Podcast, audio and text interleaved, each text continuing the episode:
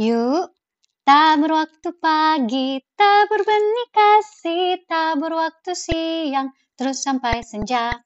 Episode tabur, kitab Mazmur. Mari bersama kita tabur semangat memuji dan mengenal Allah lewat kitab Mazmur. Mari kita berdoa. Tuhan Yesus yang baik, ini kami. Kami siap menikmati taburan firman Tuhan. Biarlah roh kudusmu membantu kami memahaminya dan nantinya melakukannya. Terpujilah Kristus. Amin. Mazmur 33, puji-pujian kepada Allah Israel. Mazmur 33 ayatnya yang keempat berkata, Sebab firman Tuhan itu benar, segala sesuatu dikerjakannya dengan kesetiaan. Ungkapan yang sama dalam Yohanes 17 ayat 17b yang jadi ayat hafalannya Reone berkata, firmanmu adalah kebenaran. Dan juga satu ayat yang merupakan tulisan Rasul Paulus kepada Timotius di bawah judul perikop, iman bertumbuh dalam penganiayaan dan dalam pembacaan kitab suci. Yaitu dari 2 Timotius 3 ayat 16. Segala tulisan yang diilhamkan Allah memang bermanfaat untuk mengajar, untuk menyatakan kesalahan, untuk memperbaiki kelakuan dan untuk mendidik orang dalam kebenaran dua ayat di atas dari perjanjian baru hanya ingin menegaskan bahwa firman Tuhan itu benar. Semua yang ada di Alkitab adalah kebenaran. Kebenaran yang menjadi acuan atau pedoman kita umat Allah. Dan ketika menikmati pembacaan dan perenungan firman, maka kita bisa melihat kesetiaan Allah. Setia bukan berarti tanpa konsekuensi ya.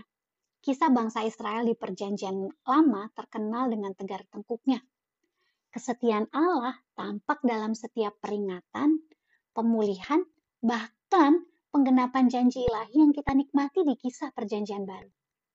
Tidak hanya sampai kisah Alkitab saja, bahkan hidup kita pun penuh dengan kesetiaan Allah. Coba yuk bersama kita ingat lagi karya Allah dalam hidup kita yang menunjukkan kesetiaan Allah.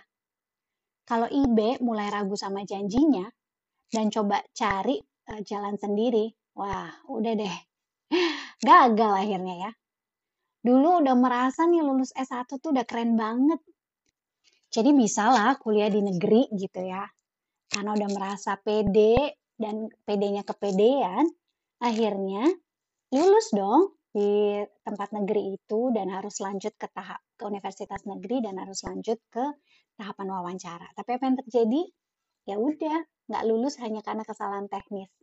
Nah itu tuh, Tuhan tuh punya cara yang wow banget untuk mendidik kita. Buat kita bersama hari ini, selamat menikmati firman kebenaran dan kesetiaan Allah dalam kehidupan kita. Dan jangan bosan untuk selalu mencari dan merenungkan firman Tuhan dan melihat karya Allah dalam kehidupan kita hari ini dan seterusnya. Mari kita berdoa.